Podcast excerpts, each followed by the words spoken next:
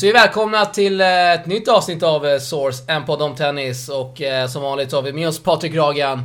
Och Patrik, vi kastar oss direkt in i SAL-KM. Både du och jag är vidare här till kvartsfinal.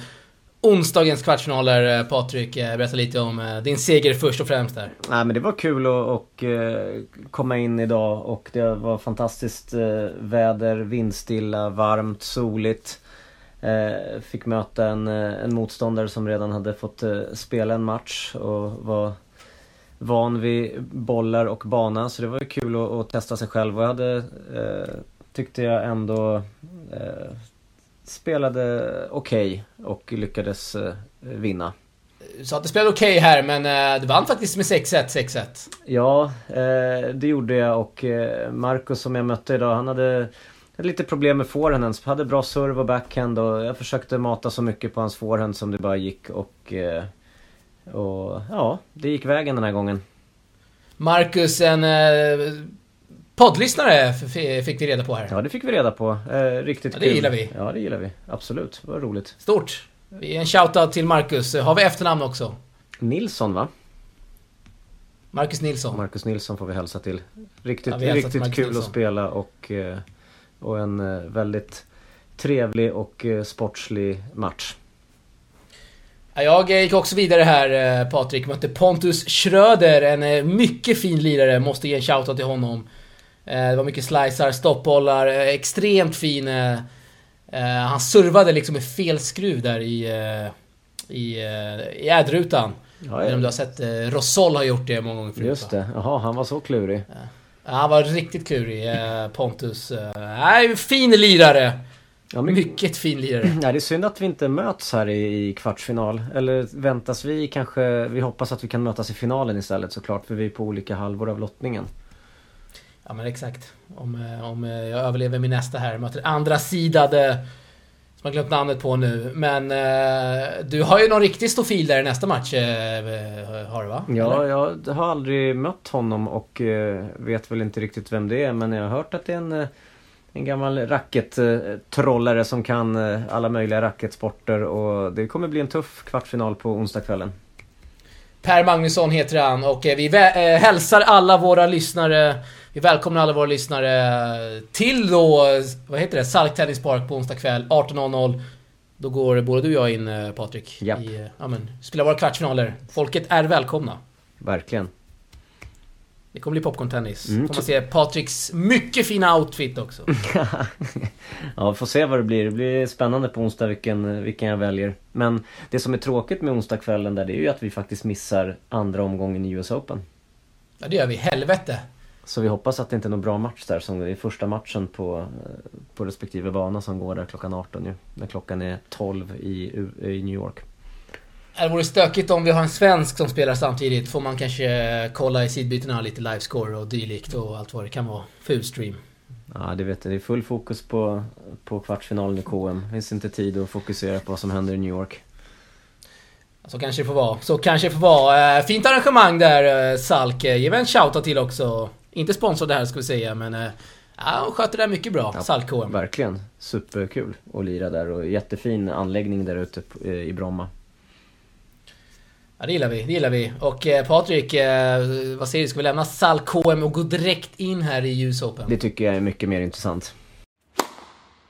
Vi kan väl börja med det mest aktuella då Johanna Larsson, eh, ja men vi gar garanterade en succé då uh, Johanna har Magnus Enneberg i sitt team och det blev en succé. Hon har kvalat in till tävlingen nu och uh, ja, får möta här uh, Lauren Davis va? Amerikanskan. Stämmer. Jajamän. Vad tror vi där, Patrik? Ja, vad kan man säga om den matchen? Det är en klurig eh, liten eh, amerikanska som, eh, ja, Johanna får väl försöka och ha tålamod och, och bolla vad ska man säga, försöka hålla igång bollen så mycket som möjligt och kanske låta Davis eh, missa. Hon är ju bra när hon får ta initiativ själv. Så att det är väl, eh, jag vet inte om de har mötts tidigare eller inte men eh, jag tror nog att, att både Johanna och och Magnus som, eh, som är med som coach den här veckan, Magnus Henneberg, eh, har säkert scoutat motståndet och kommer vara redo när det är dags. Yes, uh, Davis står där i favorit på spelmarknaden till 1.30 i odds. Skulle det bli en seger så får det ändå ses som en liten skräll ändå för svenskan. Uh, Absolut. Mikael Ymer här. Förlorade kvalfinalen mot Hyun Chung. Mardrömslottning som vi snackade om. Det gick lite för snabbt där i... Uh, ja men när Chung eh, drog på där med sin eh, offensiva spelstil så hade svensken inte så mycket att säga till om där. Två raka. 6-1, 6-3 va? Ja, och det var vi precis som du säger var inne på det i snacket förra veckan och, och, även där var vi inne på att han, att han kommer ha en bra chans att bli en, en lucky loser och eh, det vi redan visste då var egentligen att han kommer att lottas eh, bland de fyra. Eh, och det har han gjort och ja, som du har varit ute och skrivit så blev han ju tyvärr nummer tre i den ja. lotten så det krävs ju två avhopp ytterligare för att han ska komma in. Kan vi bara ta det här en gång för alla vad det nu som gäller här med Lucky Loser. Det har ju spridits mycket fake news kring det på Twitter och folk frågar vad är det som gäller egentligen? Patrik, du som har stenkoll på det här, kan inte du bara dra vad gäller med Lucky Loser här i Grand Slams? Ja, det som gäller och det, det som många, framförallt det som många tror då felaktigt, det är att man går efter ranking vad gäller Lucky Losers, eller efter sidning ska jag säga. Så att eh, om Micke då är högst sidad kvar så, så betyder inte det att han är den som går in först. Utan det man har gjort är att man tar de fyra högst sidade och så lottar man dem emellan. Och anledningen till att man har gjort det här är ju för att för att tidigare så visade det sig att, att man misstänkte läggmatcher där, där ja. man redan innan kvalfinalen visste vilka som hade dragits ur. Kunde man lägga sig i kvalfinalen och ändå visste att man var kvar, eller att man var klar för tävlingen. Nu måste alla kämpa in i det sista eh, för att vinna och ta sig in. Och gör man inte det så kan man falla på lotten.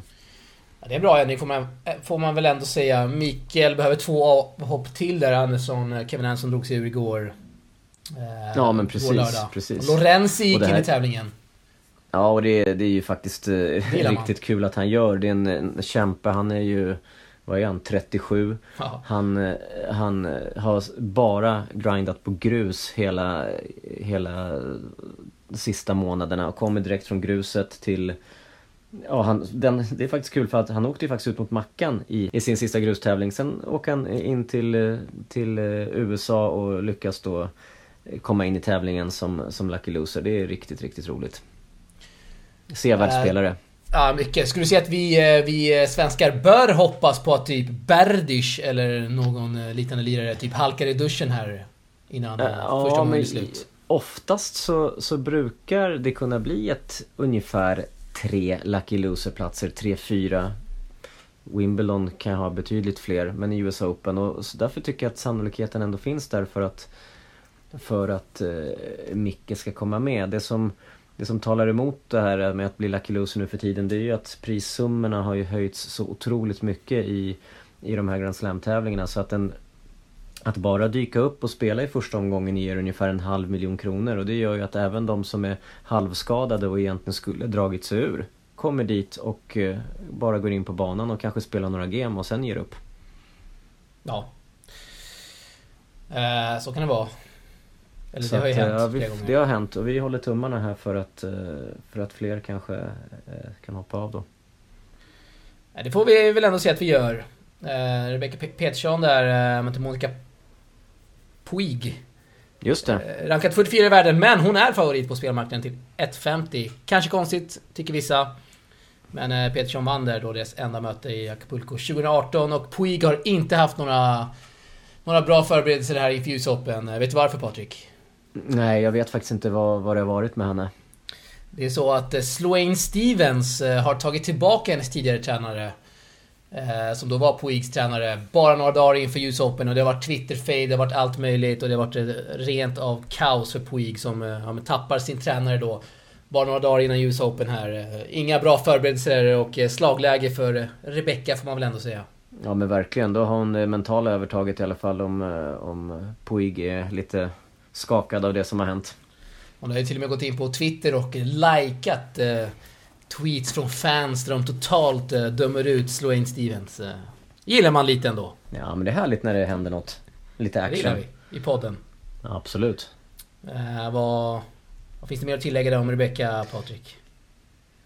Nej men jag tycker att Rebecca går in i US Open med, med borde gå in med, med väldigt bra självförtroende efter en, en bra eh, hardcock-säsong i, i USA. Just med de här segrarna över ja, nämnda Sloane Stevens eh, och eh, eh även en till topp 20-seger eh, har hon ju haft och visat att hon kan slå högt rankade spelare. Eh, tredje omgången i Cincinnati så jag tycker att förberedelserna har varit eh, jättebra för henne. Så där hoppas, där, där finns det förhoppningar att hon, att hon faktiskt kan vinna ett par matcher här i, i New York nu som hon har lyckats med tidigare.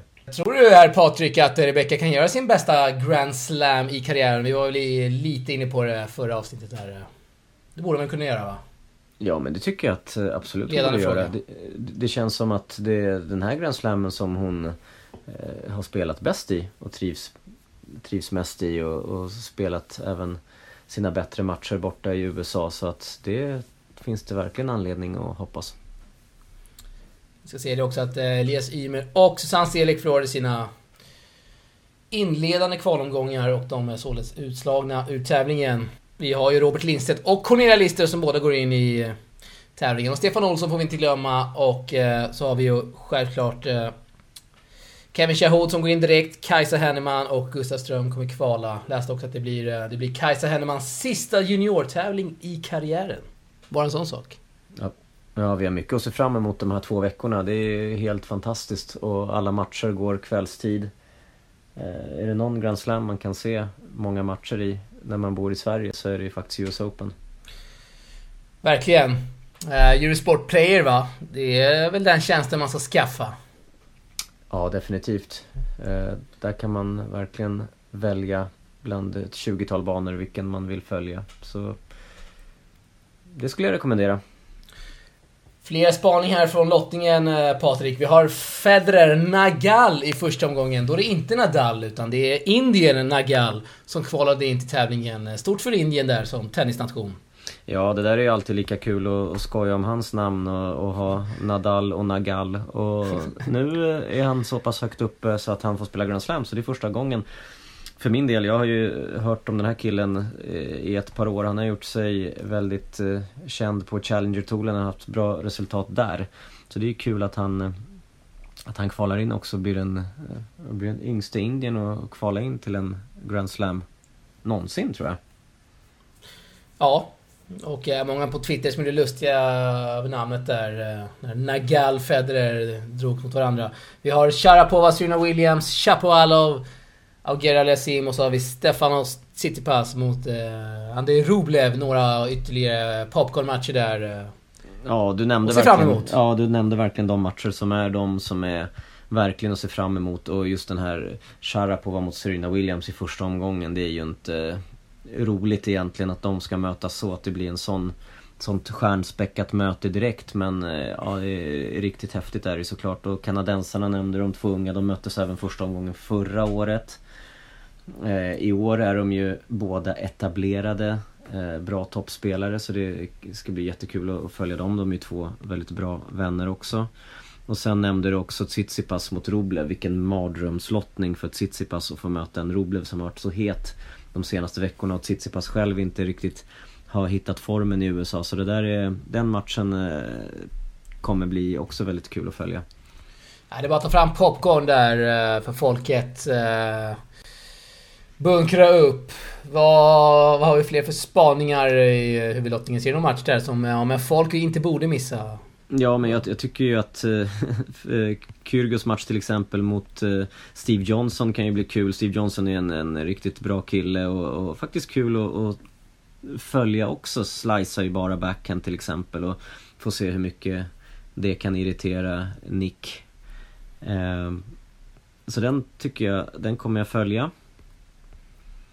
Vi, eh, vi är kvar på nickspåret där. Eh, fick lite kommentarer, eh, Facebook och allt vad det var. Efter vårt senaste avsnitt Patrik och du gick, du gick in där på Facebook och liksom kommenterade tillbaka men fick inget gehör va? Nej precis, men jag tycker det är kul när det uppstår lite debatt och när, när folk tycker olika så att man just kan kan snacka lite om det. Så det var roligt att, att folk kommenterade och sa vad de tyckte.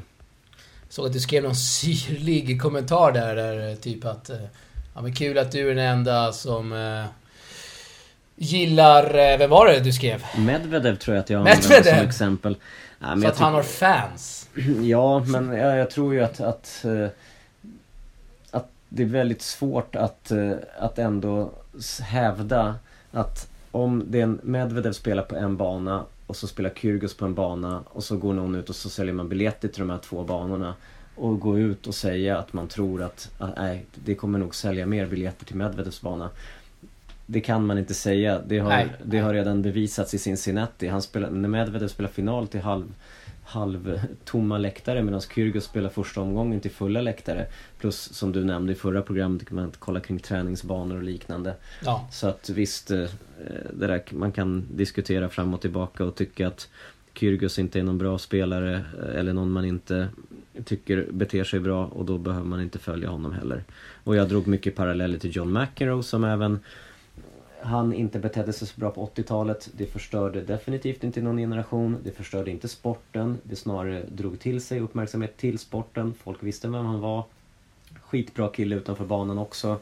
Eh, ett as på banan. Bra utanför. Och titta hur han är omtyckt nu som, som kommentator och eh, som människa överhuvudtaget. Så, att, så jag tror inga ungdomar direkt eh, kommer att titta på Kyrgios och, och sen bete sig på samma sätt. Utan alla, alla vet om hur man uppför sig. Det tror jag också. Eh, sen var det så att det var många, många, många kommentarer så här, som handlade om att Ja men borde inte det finnas gränser kring Nick Kyrgios? Hur kan ni tycka så? Eh, och då har vi liksom inte ens... Ja men vi har inte liksom gått ut och sagt att ja, men vi, vi stöttar Kyrgios agerande när han håller på och liksom flisar racket och spottar mot domare. Utan att folk, folk valde verkligen att gå liksom på den linjen. Vilket är helt fel. Ja men verkligen att eh, det här med att spotta på domarna har vi aldrig sagt Nej. någonting om. Att flisa en racket tycker jag är, är helt okej att göra och det hör eh, till att kunna visa känslor och och få ur Ja. sig aggressioner och faktiskt många som kan spela bättre efter att ha gjort det också. Det tycker inte jag är något konstigt. Nej. Eh, hamnar vi lite på Nick Kyrgios igen. Eh, Ja, nej det ska Gillar bli vi. faktiskt, Ja men det gillar vi och det ska bli kul att följa honom som sagt. Och sen vad har vi mer för matcher? Vi har ju Wawrinka möter ju den här nya italienaren Sinner. Jannik Sinner, eh, Ja. kul att du tar upp honom. Eh, faktiskt, för det ska bli ju jättekul att följa också. Han kvalar, kvalar in, rankad 131 möter Wawrinka som inte spelar sin bästa tennis. Så att det där är, det ska bli också kul att följa just de här riktigt unga, eh, nästa generationens spelare. Han är Han ju vad är 18 år han? gammal va? Jannik Sinner. Ja precis, han är 18 år gammal. Han fyllde 18 bara för någon vecka sedan va. Så att det... Tror jag han borde vara den yngsta spelaren i lottningen. Vann en Challenger nyss också i Lexington. Eh, det gjorde han också ja, precis. Det gjorde han. Det gjorde han. Sen ska jag ta Eh. tillbaka det där med yngst i lottningen också. Vi har ju, jag kom på att han Svaida som är eh, 02, alltså 17. Han är ju, fick ju faktiskt ett WC. En amerikansk. Fick väl också ung. Martin Damm va? Ja, Martin Eller? Dams son eventuellt. Heter han Det är inte Martin Damm. Ja, Martin Dam heter farsan och heter sonen Jaha. också Martin. Damm heter han i alla fall. Ja, Dam heter han. Det är ju Vi måste få, eh, måste få fram hans namn här. Ja, men däremot så menar du att han fick WC till huvudlottningen? Eh, Ja men han heter väl Martin Damm, född 2003. Mm. Eh, Men han fick inte WC va? Fick han inte det? Tror inte det. Jag har kollat lottningen några gånger här sedan den kom. När jag inte kunnat sova. Jag har inte hittat han. Jag har nästan lärt mig den utan till nu. Nu har vi tappat eh, alla våra lyssnare här. eh. Nej, han fick, eh, förlåt, han fick... Eh, eh, WC här till dubben ska vi säga. Eh, han och Kodat, Toby Kodat. Just det. Eh, då har vi det utrett. Eh, Martin Damm heter han, eh, inget annat. Just det. Så att farsan har samma namn också, det är ju... Det är, det är bra. Mm, det är bra. Sen är jag impad av en kille som heter Jenson Brooksby som faktiskt kvalade in. Eh, har ju inte spelat knappt några Challengers ens. Eh, rankad knappt innanför 400-strecket. En, en 18-åring. Han kvalade alltså in, mötte Thomas Berdych nu första omgången. Fick WC till kvalet. Ja, det är också kul. Honom får vi hålla koll på. Ja, man känner lite extra för de här kvallirarna som eh, ja, tar sig igenom ett eh, oerhört svårt kval och... Eh, ja men som Trungelite till exempel, argentinaren där som... Ja men precis. Som hade vittnat va, om lite matchfixing och allt. Och Mm. folk på touren... Ja men snackade massa skit bakom hans rygg och allt vad det var. Och nu kvalar han in här. Det är... Det är man gillar sånt verkligen. Mm. Ja verkligen. Trongeliti. Nej men en sån här kille som han, han eh, Jenson Brooksby, jag menar han, han slår eh, Martinez i kvalet, han slår Sugita som ju har vunnit en ATP-tävling. Så han tar sig in nu och är garanterad en, en halv miljon kronor för att, eh, för att bara, eh, ja, för att komma in. Och jag menar han har ju hittills i år tjänat 16 000 dollar på sin tennis, alltså ungefär 150 000 kronor. Så han tripplar sin summa bara på att gå in i första omgången i US Open mot de här första nio månaderna han spelat i år. Så att det visar hur Otroligt. mycket det betyder att spela eh. Grand Slam-kval. Ja, det är fint. Det är fint på, på så många sätt. Eh, Patrik, eh, US Open, lämnar vi det eller?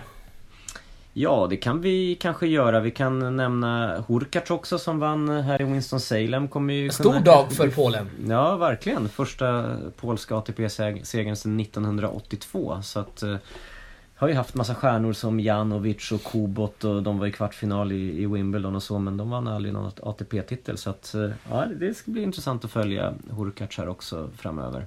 Och eh, även sådana spelare som gör sin sista Grand Slam som Janko Tipsarevic. Eh, Feliciano Lopez eh, ska bli kul att följa också. Han är inne på sista Sista rycket också. Han har inte sagt att han ska sluta spela men han, han har sagt så att så länge han har en ranking så spelar han och Queens-vinsten gav ju honom möjlighet att spela ett år till. Och det är ju en spelare som jag gillar mycket som spelar väldigt fin tennis. Älskar ju den här slicen och den här offensiva eh, volleytennisen. Ja, den är fin. Eh, Magda Linett där också, polskan, vann i Bronx. Och två titlar för Polen. Ja verkligen, samma helg. Det är stort. börjar bli en stor sport i, i, i Polen. Eh, Lägg till en titel där, Winston Salem med dubben. Kubot Just det! och eh, Mello. Ja du ser, bra koll där på polsk tennis. Ja, det är stort. Tre titlar alltså på en helg för Polen. Ja, Det fantastiskt. behövdes nu när eh, Polens Federer la av här i Sopot. Vad heter han? Det. Pryzniezny. Säger man så? Przyśnieszny. Federer. Michał Przyśnieszny. Han är svåraste efternamnet på Ja, touren. det är sto- det är stort att, eh, att de eh, på cer- ceremonin där, avslutningsceremonin för Pryzniezny sa de eh, ja, men, Polski Federer nämnde man. Så. Det är jävla stort. Nej, det är stort att få heta det alltså. Från Polski Federer så vi kastar oss in här i tittarfrågor Patrik. Det blir ett effektivt avsnitt idag, inte lika långt som förra. Japp. Mattsson Bilder här skriver Vilka till Stockholm Open? Frågetecken. Listan för vilka som kommer att spela Stockholm Open kommer ju komma ut eh, den andra US Open-veckan.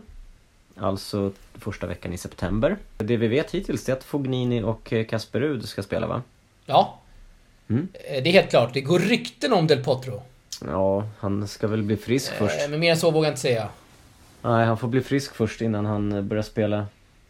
Det får vi väl hoppas att, att han blir då om det går de ryktena. Men det är jättekul med Fognini faktiskt. En jättesevärd spelare. Han kommer ju inte till Båstad så det är roligt att han kommer till Stockholm. Ja men Stockholm Open där, jag hoppas ju på eh, de lite yngre förmågorna som är, ja men, eh, som är på väg upp. Vi har ju liksom Chapovalov och Hurkacz och alla. Kachanov, eh, Aliasim. Som liksom är realistiska. Jag tror inte Mm. att, jag tror inte att eh, Tsitsipas är realistisk. Han har liksom blivit lite för bra, för snabbt här. Mm. Ja, det stämmer och Kachanov lär ju spela Moskva dessutom som går samma vecka. Så att ryska tennisspelare behöver vi inte hoppas på eh, i Stockholm överhuvudtaget. Eh, men eh, Andy Murray, han spelar i Belgien samma vecka. ja, det var tråkigt eh, att eh, Stockholm Open inte fick honom. Det hade man hoppats på. Men eh, ja, han valde Antwerpen istället. Kan vi säga det redan nu att eh, Stockholm Open redan har ett bättre startfält än i Swedish Open senast i och med Fognini? Eller? Eh, det tycker jag definitivt. Eh, Även fast det är liksom bara en spelare. Ja, absolut. Det skulle jag säga. Den spelaren slår ju de spelarna som Swedish Open i Båstad hade som sina bästa spelare. Vilket var, ja men typ Verdasco. Så att definitivt är Fognini en, en sevärd, mer sevärd spelare. Det brukar hända mycket kring honom.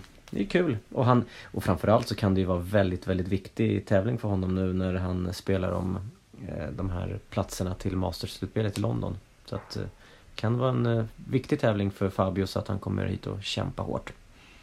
Sen som du säger, Chapovalov var ju här förra året och, och förhoppningsvis så tycker han om Stockholm och, eh, eh och väljer att komma hit. Han har en svensk flickvän nu, behöver inte säga namn men eh, det borde ju kunna vara en anledning ja. till att han kommer. Verkligen, det var precis så jag tänkte också. Det var ju anledningen till att han var i Båstad ja. också. Så det att, finns eh, möjligheter. Även om han inte spelade där. Sen är det ju också så att han har ju ryskt påbrå och eh, dras säkert från, eh, hårt från Moskvas arrangörer också för att komma dit. Vi såg ju Chapovalovs senaste matcher i Stockholm förra året mot eh, Gulbis när han torskade i eh, två raka. Ja, han tors torskade stort där, precis. Ja, Gulbis var het förra ja. året i, i Stockholm. Så att vi får se om han kommer tillbaka. Då är det till kvalet i så fall. Då får det bli till kvalet. Precis som förra året. Förra året kvalade han ju också, slog ju Mackan i första omgången i kvalet. Och störde sig på publika och allt det var. Eh, ja, jag höll på att psyka. Nästa läsarmail här. Från Thomas. Diskutera och gå på djupet av valet av spelplats mot Israel. Tycker att förbundet gjort bort sig rejält här. Och med sitt val släppt in Israel med en 50-50 chans i en match de egentligen borde vara chanslösa i. Uh, innan du tar den så uh, uppskattar att vi får massa läsarmail, det gillar vi. Men uh, att det ska vara 50-50 här nu. När man spelar på Kungliga mot Israel, det uh, håller jag inte alls med om. Och varför skulle det vara det för? 50-50? Nej men jag, det var ja. inte jag som sa det. Att det skulle vara 50-50 för att Sverige ska lyckas vinna? Det menar, vår, det menar Thomas då som har skickat in ett mail. Mm. Jag håller inte med om det, det gör inte du heller hör jag här. Nej, det, jag tror att det, det Thomas menar är att eh, den här matchen skulle spelas på grus förstås. Ja. Eh, och ja. jag är helt enig med eh, Thomas att Sveriges chanser hade varit bättre om man spelar på grus därför att dels spelar ju Micke och Elias väldigt mycket på grus. Eh, Medan de israeliska spelarna spelar ju faktiskt aldrig på grus. Eh, dock har ju de israeliska spelarna heller inte haft någon succé på hardcourt heller. Dodicela har ju rasat riktigt mycket på rankingen och så har de ingen annan spelare som är på väg upp heller. Så att 50-50 skulle jag inte säga utan jag skulle snarare säga att det är 75-25 istället för 90-10. Ja. Så att, eh, men, men visst kan man ifrågasätta varför man inte väljer grus i ett sånt här läge. Och hade jag varit en, en Davis Cup-kapten kanske jag också hade valt grus för att det hade känts som att det är mycket, mycket lättare för Sverige att vinna en grusmatch. Så att jag vet inte vad anledningen egentligen var till att man valde Kungliga. Så att man, jag tror att man valde här snarare arena och, och stad snarare än underlag. Men alla minns ju vad som hände senast. Sverige mötte Israel. Det var ju såna enorma kravaller och det vill man ju inte att det ska ske igen. Liksom. Ja, den matchen spelades inför tomma läktare. Ja, exakt. Uh, så att det är kanske en säkerhetsaspekt då att den går i Stockholm. Skulle jag lyfta fram den mer kanske då än... Ja men det är ju nog garanterat. Och sen så här, jag tror också att Sverige ändå känner sig liksom hyfsat säker på att gå vidare mot Israel trots att det spelas på yep. en hardcourt. Yes. Uh, det tror jag nog garanterat. Att det är så. så. Japp. Får jag ställa en fråga? Det är klart du får. En, en, eh, nu låtsas jag vara tittare. Ja men det mm. uppskattas. Vem ska lyckas slå Djokovic i US Open? Oh, du kastar in den. Jag kastar in den nu. Jag bara kände att vi inte pratade om någon slutseger i US Open och så tänkte jag så här att jag tror ju Djokovic kommer köra över och, och, och liksom... Vem kan egentligen stoppa honom? Är det Medvedev igen i kvartsfinalen och gör inte Medvedev det, ja då kommer ingen göra det. Skulle man kunna säga då Nadal Federer var lite tråkig här eller vad? Jag vet inte fan. Eh, att Nadal Federer... Att det är tråkigt att de... Största hoten mot eh, Novak Djokovic. Ja, det är klart att... Tråkiga ja, svar. Men grejen är att jag tror inte Federer är något hot just i, i US Open. Eh, visst, jag minns vad som hände i Wimbledon också för någon månad sedan men Federer har inte haft några större framgångar i New York på bra många år och eh, troligtvis inte kommer ha det i år heller. Och ja, det är väl Nadal kanske då. Som också har sett väldigt het ut i, i Montreal. Du sa inte Sumit Nagal va? Nej, inte Sumit Nagal. Får se vad han kan. Det är stort för honom att få möta Federer i första omgången. Den ser jag fram emot att se. Han är väldigt, väldigt explosiv den här eh, Sumit Nagal. Kul att titta på. Bra, bra drag på honom. Nej, man får inte missa den. Sumit Nagal mot Roger Federer. Vi återkommer ständigt till den matchen.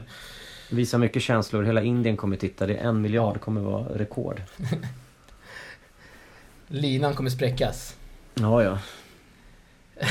Damerna då? Det är såklart... Man kan väl nämna 20 spelare som skulle kunna vinna, vinna US Open. Mm, damtennisen har ju blivit som här tennisen var för ett 15-16-tal år sedan innan Federer, Nadal, Djokovic började dominera. Så att verkligen, där kan allt ifrån Serena Williams till, eh, till Ashley Barty och, och eh, ja men Halep ska man ju inte räkna bort. Nej. Så att det, ja men Pliskova, det finns ju hur många som helst. Osaka. Ja, ju precis. Osaka. Som vann förra året. Ja, ja, precis. Vann några Grand Slams i rad dessutom. Så att definitivt. Eh, nytt... Ja, men vi gillar att du ställer en fråga där bara sådär. Bara lite random. Ja, det uppskattas. Stefan, ja. Rydén, äh, Stefan Rydén här. Ett, äh, ytterligare läsarmail, det gillar vi. Mm. Äh, gillar er senaste podd, men hur kan ni glömma prata om André Göranssons fantastiska framgångar i dubbel? Och så skrev han en massa mer text, men jag fick korta ner det. Så vi kan ta André Göransson direkt va? Ja, men vi... Eh, missade att snacka om han, det är dåligt. Eh, ja, det är eh, underkänt att göra det därför att vi är stora fans av det André gör och den här satsningen som han, han gör i dubbel och att eh, det har gått så otroligt bra för honom så att jag tror att fortsätter han med det här liksom, bra spelscheman som han har haft, bra dubbelpartners så kommer han spela Australian Open i januari och börja spela ATP-tävlingar snart. Han är ju top, inte långt ifrån att vara topp 100 nu. Nej, ja, det är, vore jäkligt fint. Ja, ett WC till, till Stockholm Open till exempel. Det borde han ju få i dubbel. Det ska han ju nästan vara garanterad va? Definitivt ska han vara det och, och det hoppas jag att han, att han eh, kommer få och, eh, och några segrar där och sen kan det liksom rassla in de poängen som behöver rassla in och jag tror att eh, men än så länge får det bli några liksom vinna några challenges till sen nog redo för ATP-touren. Vi, vi såg ju dem i Båstad, vann ju någon match där men samtidigt så, så fick de rätt rejält med stryk i, i andra omgången där mot några sydamerikanare. Ja, Ceballos eh, Gonzales. Precis, slog ju bröderna Ymer i första omgången. Som ju faktiskt vann Stockholm Open. Ja. Mm. Så slår man någon helt som vinner Stockholm Open, hur de vann Stockholm Open egentligen. Ja, ja precis. Det är helt otroligt och därför kan det vara lika helt otroligt att, att André Göransson tillsammans med någon partner också vinner en ATP-tävling inom kort. Ja, kanske Sillen eh, som vi gillar lite extra i Source. Ja, verkligen. Verkligen. Sillen som inte har lirat på nu. Han är i USA och tränar så han har inte lirat några challengers här på några veckor. Så vi hoppas att, eh, att han är tillbaka så fort eh, det blir challenger-tävlingar i USA igen. Det hoppas vi verkligen på och eh, inga fler eh, läsarmail där. Eh, lite skralt ändå. Lite eh, besviken av att det inte eh, damp ner några fler mail eller DMs. Kommer till nästa vecka. Kommer till nästa vecka, det gör det. Och eh, men vi uppmanar folket till att komma till Salk Tennispark där i Riksby, utebanorna. Eh, 18.00 är matchstart för både dig och mig här i Salk KM kvartsfinaler. Det eh, får folket gärna komma och kolla. Tittare, lyssnare och allt vad det är. Eh, varmt välkomna, säger vi Patrik. Japp, det gör vi. Och eh, ja, men du får köra låten igen idag då. Vilken låt ska vi gå ut med här idag? Som är denna vecka? Ett avsnitt. Eh, ja, vad ska vi ta idag? Vi... Eh, varit lite konstiga val av låtar på sistone. Väldigt mycket åt... Eh, Diablo? Åt... Eh, ja, 666. åt lite så techno house-hållet eller? Eh, ja. Eh, vi fortsätter med det och, och vi eh, går på hur viktigt det är med olikheter och att alla tennisspelare inte kan vara på samma sätt. Så vi tar en låt som heter We Are Different med The Members of Mayday. Det kommer här! We Are Different. Fint eh, låtval här Patrik. Vi tackar dig för att du kunde vara med här i, i Source. Och eh, vi är väl tillbaka nästa helg och summerar första veckan eh, på US Open helt enkelt. Kanon. Och eh, säger vi tack till alla som lyssnat. Ni får gärna komma med feedback och eh, DMs, allt vad det är. Vi finns på sociala medier. Och så ja, men ses vi om en vecka igen. Ha det så bra så länge. Hej då. Tja!